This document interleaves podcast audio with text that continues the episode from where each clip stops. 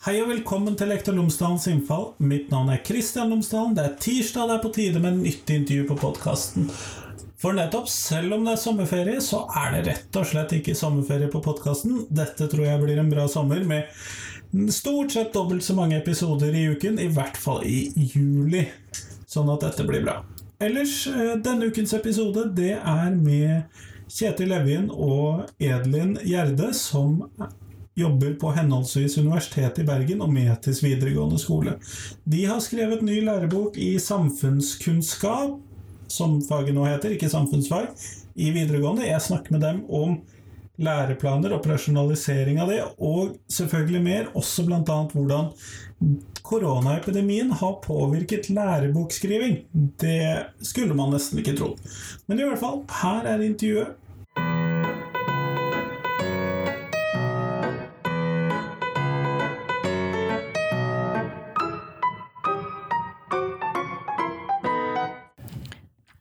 Kjetil Evjen og Edelin Gjerde, tusen takk for at dere har tatt dere tid til meg i dag. Takk for at vi fikk komme. Takk for det. Før vi starter selve intervjuet, så hadde jeg håpet at dere kunne fortelle meg tre ting om dere selv, sånn at lytterne mine kan bli litt bedre kjent med dere. Og vi starter med deg, Kjetil. Tre ting om deg. Um, statsviter, utdannet i Bergen. Jeg har jobbet en del år i videregående skole som samfunns- og historielærer.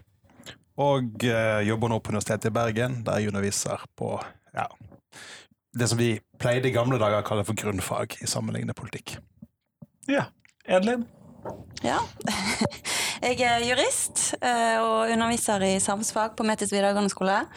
Og en av de tingene jeg er opptatt av, det er hvordan jussen og skole henger sammen. Og òg nå hvordan det gjør seg gjeldende i den nye fagfornyelsen. Kjempeflott. Dere mm. har skrevet en ny lærebok i det som nå skal hete Samfunnskunnskap for videregående skole. Eh, la oss først starte. Hva heter boka? Den heter uh, Vi lot oss inspirere den nye læreplanen, og den kaller vi for medborgerskap. Um, og bakgrunnen for det er vel egentlig at vi på en måte Det er det boken begynner med, og det er på en måte sånn gjennomgående tema. da. Hva er dette begrepet medborgerskap til nytt? Det er inne i læreplanen på nytt. Eh, og vi prøver liksom å begynne å definere det, så ble vi litt glad i selve ordet. Uh, og da ble det òg tittelen på, på, boken. Mm. Og da er det jo rett og slett Hvordan har det vært å skrive en lærebok for videregående skole? Det, jeg har ikke prøvd det før, i hvert fall. Det har vært veldig spennende faktisk å, å, finne ut. og Det er jo utrolig mange sånne fagretninger som et uh, samfunnsfag skal ta hensyn til. Og det å kunne veie de opp mot hverandre, og hva som skal få plass, og i hvilken rekkefølge, det har jo vært uh, masse diskusjoner rundt. Så Ja, det er vel det er veldig gøy, men òg en forferdelig frustrerende opplevelse. For det man skriver, er jo egentlig et bestillingsverk eh, basert på, på, politikernes læreplan. En læreplan som er, har vært i, eh, under utvikling parallelt med boken. Så man begynner jo på en måte med en sånn ok, her vil læreplan, dette er overordnede ideer og mål, og så klart hva er nytt og hva er endret for gammel læreplan. Og så begynner man med et utkast, og så forandrer ting seg. Eh, og så skal ting ut, og skal ting opp. Og så skal man prioritere mellom en uendelig liste med gode ideer og konsepter som skal være med. Samtidig som vi alltid må ha i bakhodet at okay, det finnes en litt konservativ eh, lærerstandard som forventer en del disse ting skal være med. En del kjepphester? Ja, det er kjepphester som skal ris, eh, og det er kjepphester som skal fjernes. Eh, og det er et og så skal det helst være lesbart for elevene i tillegg. Mm. Det burde kanskje være hovedprioriteten at det var lesbart for elevene, men det ligger nå alltid der. Og så skal det være langt nok, men ikke for langt. Uh, så det er en uendelig mengde kompromisser som må tas. Uh, som er veldig spennende, men også ganske frustrerende. Mm. Og Vi ser jo òg det at læreplanen nå, den, eh, altså hva den legger til rette for. da, sant? Hvis jeg ser det fra et juridisk synspunkt, så merker jeg nå at eh, mye av jussen er kommet inn i skolen og gjennom læreplanen òg. At man på en måte har tatt inn de verdier og prinsipper som f.eks. opplæringsloven har, og puttet det inn i læreplanen. Sånn at man nå skal eh, jobbe mer med, med Der hvor de før var litt på utsiden, da? eller? Ja. ja. Og, og, gjerne ikke så mye Det var ikke så mye juss inn i selve læreplanen. Da Da var det mer fag Eh, og nå kan du på en måte se at, eh, at jussen er kommet mer inn. Og så kan man kanskje lure sånn fra et pedagogisk synspunkt. da, altså Hvor er dybdelæringen blitt av? Så den har vi har diskutert en del. da. Ja, for Det første tenkte vi jo som alle andre at dybdelæring det betyr jo at det skal være færre temaer, eh, færre læreplanmål og liksom fordypning. Men det var jo det ikke. Det er klassisk komitéarbeid. Først tar man ut fire ting, og så putter man inn seks nye. Eh, det oppdaget vi ganske fort, at det læreplanen er ikke så mye endret, egentlig. Det, det er bare det at den er, hvis du skal si det enkelt, så har den blitt modernisert. Ja. En del temaer som var kanskje viktigere og mer fokus på før, tatt vekk, og så er det, sånn- det er ting som er aktuelle nå, tatt inn. Fake news og digitalisering og dette livsmestringsbegrepet og den sånne ting som det. Så det har ikke blitt noe mindre. Faget er ikke noe mindre enn det var før, men det er blitt annerledes. Og det må vi da tilpasse oss. Eh, så dybdelæring blir litt sånn eh, Vår forsøk på å tolke det er jo på en måte å skape litt tettere lenker mellom de forskjellige temaene tas opp. Eh, delvis for å gjøre boken mer les lesbar, at den på en måte A følger B følger C. Nei, C følger B følger A. Men Trekke linjene, rett og slett. Ja, rett og slett å ha noen, noen linjer, linjer som går underveis. Og det er på en måte det som skal gi den dybden. da. Eh, sammenhengen mellom elementene i faget skal gi dybde. Eh, og så håper vi da at eh, kanskje faget kan få litt større prioritet og større plass i skolen, men det er vel kanskje å håpe for mye. Ja, det, det har jo ikke så mange timer, selv om det har en del i videregående likevel. Nei. Det er ganske mye som skal læres på kort tid, og det vil jo selvfølgelig man merke når man skal undervise i det òg, at man må ta noen kompromisser og ikke kan gå så langt i dybden som man helst skulle ønske. Så Men uh, fortell litt om da læreboken. Hvordan uh, har dere lagt den opp, annet enn selvfølgelig en uh, sammenheng av ting skal følge etter hverandre og henge litt sammen, selvfølgelig, da, som du nevnte, Kjetil. Ja, det som er på en måte første utfordringen når man skal lage en sammenhengende bok av såpass forskjellige temaer, er på en måte rekkefølge på ting. Eh, Så vi begynner med du og deg eh, i samfunnet og politikk. eh, Medborgerskap, tillit, den type ting. Og så går vi inn i det politiske systemet. Og det er blitt valgt fordi at vi vet at annethvert år så er det valg i Norge. Og, det på Og da kommer det temaet naturlig det først. tema naturlig først, og så de andre årene så er det på en måte naturlig å begynne med det. Eh, og så går det over til på en måte, vi er jo en del innom del klassikere som sosialisering og, og på en måte arbeidsliv og den type ting. Eh, og så gjør vi som de fleste andre, avslutter med det internasjonale samfunnet til slutt. Eh, det er på en måte naturlig at når man er ferdig med Norge og individet, så går man opp til det internasjonale. Eh, det henger sammen der. Mm. Men det måte, det har jo vært eh, veldig mye kapitler og smådeler som skal det være der, skal det være der, ja, men det bør være før det, og det er logisk at de introduserer det temaet før det temaet, men det òg temaet bør være før det temaet. Så alt bør jo helst være først. Um, og det er kanskje uh, det man gjerne lærer når man jobber med dette her, er at, at det, måte, det er forferdelig vanskelig å lage en helt ren logisk oppbygging eh, av en sånn bok. Samtidig så er det et ideal at den skal leses fra side én til side Mm. Jeg vet ikke hvor mange sider det ble til slutt. Eh, Men den skal i hvert fall kunne leses den skal kunne, perm. skal kunne leses til perm og ha en slags logisk eh, oppbygging og fortelling og logisk linje. Mm. Det Du tror prøver hele tiden å trekke linjene, sånn at du skal kunne se sammenhengen mellom det som skjer på individnivå og det som står, skjer på samfunnsnivå. Sånn at eh, vi følger leseren hele veien. Um, Men her så ligger det jo en del sånne føringer, fordi at nå har man eh, Man tenker seg jo at nye læreverk i dag skulle være skrevet mest for å brukes på en digital dingsboms. Her høres det jo mer ut som dere har skrevet en bok, da. Ja, Mer enn den digitale dingsbomsen. Det er sant. Vi har jo, tro, vi har jo sterk tro på boken nå. Um, og det er så enkelt som at med en gang noen kommer på digitale flater, så blir det naturlig å ha en temaoppbygging. Liksom alle, hvis du skal være veldig enkel, så er alle digitale flater egentlig en Wikipedia-side.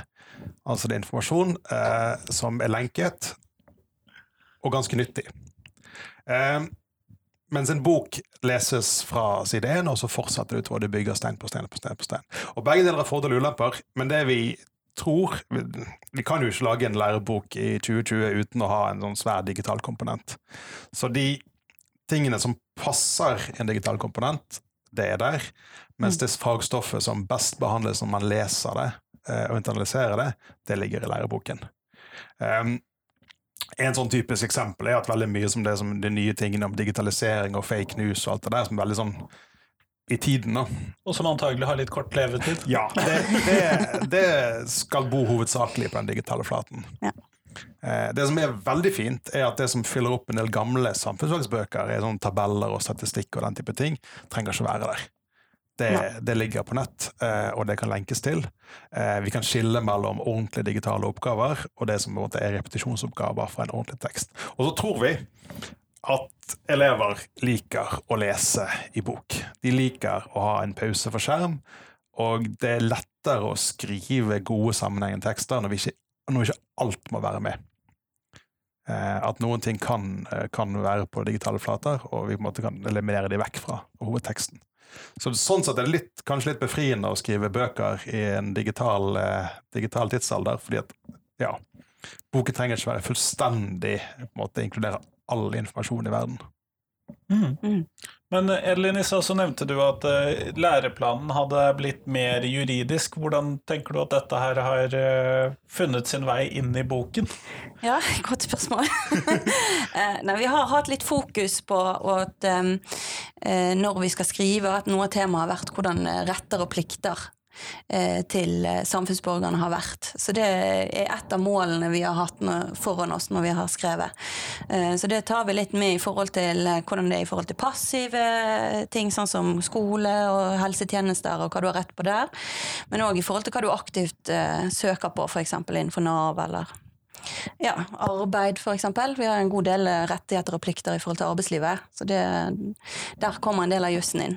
Men eh, sånn direkte fra læreplanen så er det jo disse verdi, verdier og prinsipper, f.eks. likeverd og menneskeverd, eh, som vi har hatt som fokus hele veien. Sånn at man skal kunne lese boken uavhengig av, av hvilken bakgrunn og, og synspunkt man har. At vi ja, heier frem mangfoldet, rett og slett. Jeg tror, Ja. Jeg tror det kommer til altså, alle, alle lærebøker er jo preget av læreplanen og politikerne og alt mulig, og så klart eh, at man forventer, eller at man oppfyller noen forventninger, men det er jo preget av bakgrunnen til de forfatterne som er involvert. Og det er ganske merkbart, sikkert, de som leser, at vi har en, eh, en jurist og en statsviter her. Um, at det preger teksten. Eh, på godt og vondt, sikkert. um, så det er sikkert noen som kommer til å savne det ene og det andre perspektivet. Men det er på en måte man, eh, det er den der balansen mellom å være ingen kan skrive, ingen har den kunnskapen til å skrive en lærebok helt alene. Og eh, det har sikkert vært kjekt å ha både, både sosiologer og religionsvitere og økonomer og annet med på laget. Mm. Men sånn da havner man fort i, i grøften og får en oppsplittet, usammenhengende tekstsamling. Noe vi ikke vil ha. Så Det er på er ikke en antologi. det er ikke en antologi. Eh, den, vi er, altså både jurister og statsvitere er voldsomt systemlojale. Så vi leverer Ja. det som politikerne ber om. Eh, men det er nok preget av, av vår bakgrunn. Men det, det som har vært fordelen med at vi har vært to òg, er jo det at vi hele tiden har diskutert. Alle delene gjennom hele boken og alle temaene og alt er godt diskutert fra begge synsvinkler. Så vi har jobbet og gått gjennom hele, hele læreplanen og hele læreverket vårt eh, fra begge perspektiver.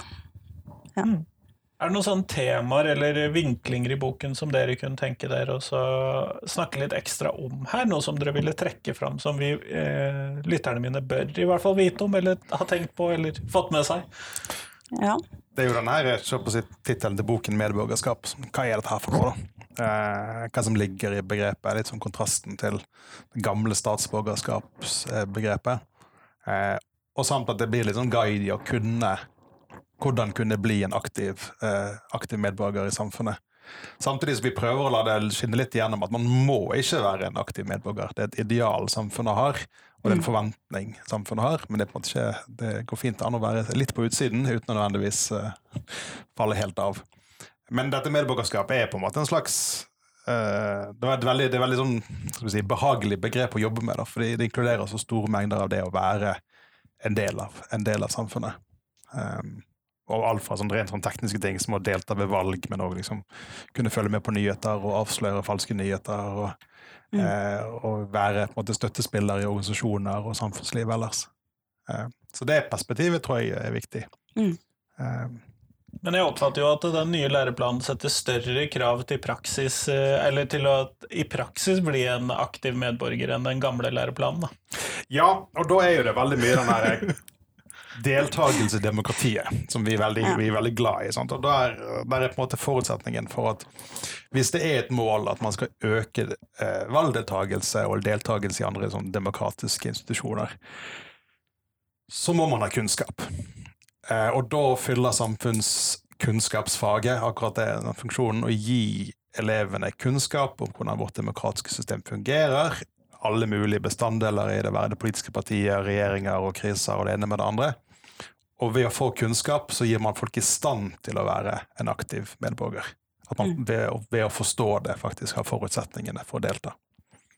Så det på en måte blir det sånn en, sørge for at kunnskapen er på plass der, sånn at folk faktisk kan være aktive. Ja, og ta informerte valg, Ja. ikke minst. At, uh, at de får en bakgrunnsflate da, så de kan jobbe ut ifra. Og så går ikke vi og bare si sånn her gjør de det, punkt, punkt, punkt, men heller forklare prosessene og funksjonen uh, de ulike prosessene har. Og hvis vi ser på det politiske system, sant, hvilken funksjon har de politiske partiene? Ikke nødvendigvis hva de står for hver og en, men litt bakgrunn for hvorfor de oppstår. Hvor, Hvorfor trenger vi de? Hvilke, sant? Altså, hva er maktfordelingen mellom storting og regjering? Hvordan forskyver vi makten i samfunnet? Eh, Så vi ser mer på prosessene, og det gir ja, rett og slett bakgrunnen for de eh, funksjonene de har. Mm, og det blir jo viktig, men sånn, dette er jo da det- det- den første biten, og kanskje noe av det som blir den viktigste oppgaven til samfunnsfagene alene, men det er noen sånn ytterligere sånne punkter utenfor dette som dere tenker at det er greit å ha med, og sånne fokusområder dere har hatt etterpå senere når vi kommer inn i de andre temaene? Det er jo dette ny, det andre nye begrepet som dukket opp eh, og krasjet inn i læreplanen som en elefant, og det er livsmestring. Og det er Den er, den er, Den er ny for mange av oss. Den er ny for mange av oss, og den må jo tolkes, opsjonaliseres og, få, få på plass. Sant? Og, det, er ok. og der har vi på en måte, hadde vi to spor. Det ene er jo at livsmestring òg handler om praktiske verktøy. Mm. Ok, hva, hva slags utdannelse skal man velge? Eh, hva, hvordan fungerer arbeidsmarkedet? Altså man, man må liksom sånn, for, å, for å leve dette her livet helt eh, gjennom, som er komplisert og vanskelig, så trenger man å skjønne hvordan verden virker. Det er det ene. Og det andre er litt mer sånn der eh, personlig psykologiske. Ok, verden er jo ikke et lett sted å leve i, og, man får masse utfordringer eh, gjennom en, en, en barndom og ungdomstid og voksentid. Um, så da er det på en måte en del der det på en måte fokuseres litt på begrepsapparatet som må inn, og forståelse. Og så det andre er at vi har kjørt livsmestring har vi tolket gjennom livsfaser. Er at For å mestre barndommen må du gjennom noen ting. For å klare det gjennom ungdomslivet så må du gjøre via andre ting, og så må du forberede deg på å bli voksen når du skal inn i arbeidslivet. Så det er på en måte sånn det skal ikke være en selvhjelpsguide. og det skal ikke være for mye sosiologiske begreper, men en eller annen balanse der som gjør at unge mennesker får litt sånn ok, sånn virker verden, og sånn kan jeg manøvrere meg gjennom den. Vi er litt på denne heia hverdagen. Ja. Ja. Og at det på en måte, du står veldig for deg sjøl, men samtidig så finnes det det er mye i det offentlige, og skolen er jo klart en av de som hjelper på en måte en gjennom livet. da. Mm. Så eh, respekt for at folk er forskjellige og takler, takler livet forskjellig og mestrer livet forskjellig. Samtidig litt sånn hjelp og støtte. Noen positive, oppløftende ord. Eh, Men det er vanskelig. Det er et vanskelig Vanskelig tema. begrep og tema for og det er jo et tema vi ikke har hatt inn i læreplanen på samme måte tidligere, i hvert fall ikke i videregående skole. Eh, Så det må jo liksom, man må jo oppdage hvor dette her skal peke hen. Mm. Vi har jo hatt litt om sosialiseringsprosessen og, og hvilke verktøy du får gjennom der.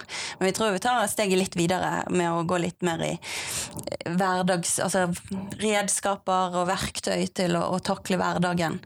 Og det der med å bygge selvtillit og selvfølelse og ja, hva som påvirker deg, og hvordan du kan få deg et godt liv, rett og slett. Uten å si det sånn. Sånn er et godt liv. Eh, Men at det er raushet. Og så ligger det jo i begrepet at siden man har livsmestring, så impliserer det at man kan feile i dette her. Ja. og det er på en måte en del av skolen og samfunnets oppdrag er jo at færrest mulig skal feile gjennom livet. At, at, hele skolen handler jo om å gi folk hjelp til å mestre livet. Eh, men kanskje samfunnskunnskapsfaget har på en måte en ekstra, ekstra ansvar der. Men den er, ja, det er vanskelig å Man kan jo se for seg en del litt sånn dumme eh, når, man, når lærere sender ut en vurdering, og så er det vurdering i livsmestring, og så får du karakteren to, f.eks. Oi. La oss ikke håpe det. Altså, der tror jeg det må være i hvert fall en viss visdom hos oss lærerne om hvordan vi formulerer overskriften på vurderingen. Ja, jeg tror det. Jeg tror vi har, vi har vel løst det på Vi har vel ingen eh, kapittel som heter Jo, vi har kanskje noen underoverskrifter her og der, og noen sånne ideer, men det, det er liksom livsfasene, da. Ja. Eh, å mestre forskjellige livsfaser på forskjellige måter. Hvilke utfordringer som kommer i de ulike livsfasene òg. Men ja da, nei, jeg ser for meg det kan bli eh, ja. En del morsomme sånne situasjoner. Eh, Men eh, når, dere var jo her Dere var vel, så vidt jeg har skjønt, nesten ferdig med manuset før skolene stengte ned. Det stemmer. Eh, Hvordan påvirka det boka? Nei, vi, vi hadde jo en kjapp gjennomlesning av det som var et sånn rough eh, utkast, eller ting som nærmet seg språkvask og ferdigstillelse, og så var det sånn Nei, vet du hva, denne må en runde til. det var rett og slett Det er utrolig hvor fort noe kan bli utdatert. Um, noen ting, sånn helt sånne banale ting som at uh, man skal uh, forandre valgloven i Norge, og plutselig så var noen av tingene en enkeltsetning her og der direkte feil. Måtte fiks på det. Mye større var det at Norge har gått gjennom en enorm krise som forandrer og påvirker veldig mye av det vi skriver om. Alt fra tillit til samfunnet, hvordan forholdet mellom statsmaktene har vært, og den Arbeidsledighet. arbeidsledighet, ja. Viktig. Ja. Vi har lav arbeidsledighet her i Norge. eh, Jeg tror, jeg tror det sto en setning som var sånn Tradisjonelt sett har Norge hatt svært lav arbeidsledighet sammenlignet. Ja. Det, var- det, var, en sånn her formulering som der som lå der, som bare var vekk med den. Mm, den og eh, her skal det Her skal det andres på. Og sånn helt, helt åpenbare som at hele den biten som eh, en tradisjonell overskrift i alle samfunnsfag og samfunnskunnskapsbøker, globalisering, der var det et par setninger og avsnitt som måtte trengtes litt sånn omskriving, rett og slett. For det, det ble rett og slett feil og banalt og enkelt, det som sto der. Mm. Eh, nå handler jo ikke hele boken om korona, da, heldigvis. Eh, men eh, det, det, det trengte en, en, en, en ekstra tre uker med revisjon før eh, koronaversjonen var ferdig. For å få det liksom til å passe den nye hverdagen og nye opplevelsene til elevene. Og Ja. Det kan jeg tenke meg må være en overraskelse for eh, For jeg vil jo tro at det er en del av lærebøkene som allerede var skrevet og allerede trykt opp, og så var det noen av de som da var der hvor deres bok var, og så vil det være andre som da kanskje skriver en ny lærebok om tre år, som da antagelig dette vil se helt annerledes ut. sånn at jeg mistenker at vi kan se veldig store forskjell på eh, hvordan Når disse bøkene er skrevet, da. Det jo, det merkes jo med lærebøker, og det vet jo alle lærere som har vært på lærebøker, at lærebøker blir gamle fort. Det blir det. Og det blir eh, Og ting som kan føles veldig viktig og aktuelt når det er beskrevet, er på en måte sånn Nja, var det så viktig da, tre-fire år senere? Og det er jo òg en evig problem med trykte formater, at man ikke får den der eh, kontinuerlige oppdateringen. Eh, så kanskje vi var litt misunnelige på de som hadde valgt en heldigital løsning, akkurat sånn for tre uker siden. Um, men, uh, men ja da. Det, det, det, alt, all type læreverk er preget av, av sin tid. Og vi måtte være litt, litt runde i formuleringene, siden vi sto på en måte midt oppi det mens vi skrev det. Vi vet ikke hva situasjonen er høsten 2020 eller våren 2021. Eller sånn 2025, Ja. når, når boken har vært på markedet en stund. Nei, jeg ser jo den.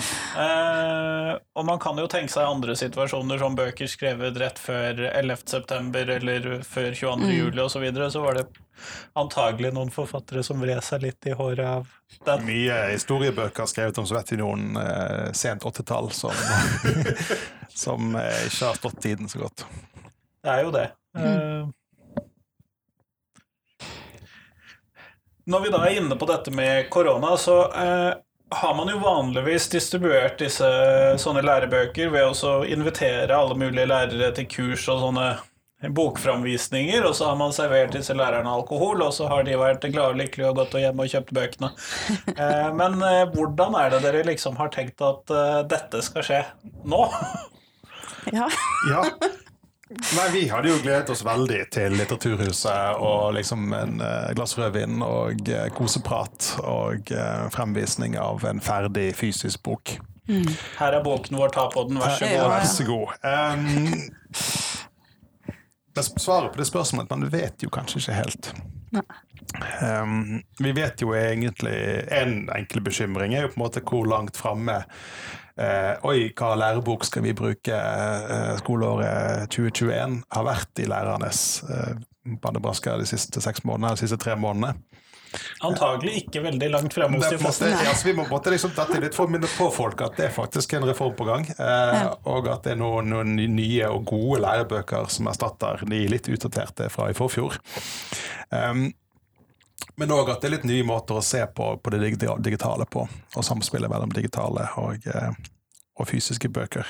Mm. Så vet jeg ikke sant, at, at en, etter to måneder nå med veldig veldig mye digital undervisning, eh, om folk har blitt liksom frelst på dette nye måten å undervise på, eller om folk har tenkt at det vi trenger nå, er ordentlige, skikkelige bøker som vi kan sette oss ned og be elevene lese i, og få litt pause fra skjermtiden. Jeg har vel lest at elevene har vært oppe i syv timer daglig skjermtid i løpet av eh, dette tidsrommet her. Ja. Så, så, vi håper på en måte at det går an å at, at, folk vil se verdien av ikke at alt skal foregå digitalt. Eh, samtidig vi kanskje ender opp med å promotere, promotere og snakke om boken vår på digitale flater. Mm. Um, det kan jo bli en utfordring. Um, men det er, en, eh, det er, litt sånn eh, Jeg tror eh, både lærere og andre er nødt til å tilpasse seg og improvisere seg fram til nye løsninger. Um, man kan jo tenke seg at det blir mange digitale lisenser på boken i år, og så kanskje det blir kjøp av fysiske bøker neste år, har jeg i hvert fall hørt fra en del skoler. Ja, godt mulig. Så det blir jo spennende å se. Jeg har et fast spørsmål som jeg avslutter podkasten med for alle de jeg snakker med. Og det er hvis dere får bestemme hva skal ut av skolen. Og da, Edlin, du kan få lov til å starte. Hva hiver du ut av skolen? Ja, du, Da vil jeg ha ut eh, fraværsgrensen med 10 eh, Jeg syns den er en, en, uting i forhold til elevene. Eh, spesielt dette her med at eh, hvis de har vist kompetanse Eh, i, gjennom skoleåret. Eh, læreren har vurderingsgrunnlag. Men fordi at man har vært borte litt for mye fra skolen, så mister man eh, retten til standpunktkarakter, og der, da også vitnemålet. Og det får jo enorme konsekvenser for eleven.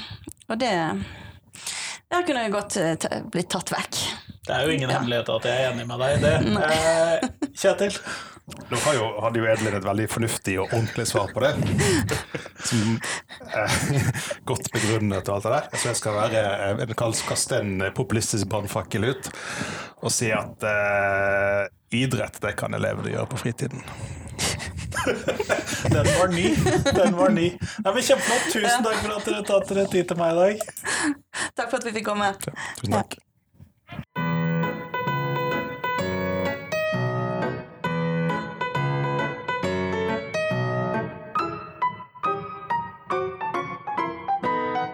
Tusen takk til Kjetil, og tusen takk til Edlin. Nå er det én uke igjen til neste podkastintervju. Jeg starter først med doble intervjuer neste uke. Eller er det uken etter der? I hvert fall i juli. I mellomtiden så håper jeg at du kan gå inn og så skrive et review av podkasten der hvor du hører på podkaster. Gjerne inn hos Apple hvis du gjør det. Ellers del podkasten med en venn, eller noen du ikke liker, for den saks skyld, så lenge du tror at de vil like podkasten. Det blir jeg veldig glad for. Ellers, send meg tips om det er noe du vil jeg skal spille inn en episode på. Det er rett og slett for mange temaer i Skole-Norge til at jeg klarer å komme på alle sammen. Men i hvert fall, ha en fin uke til neste gang. God sommer!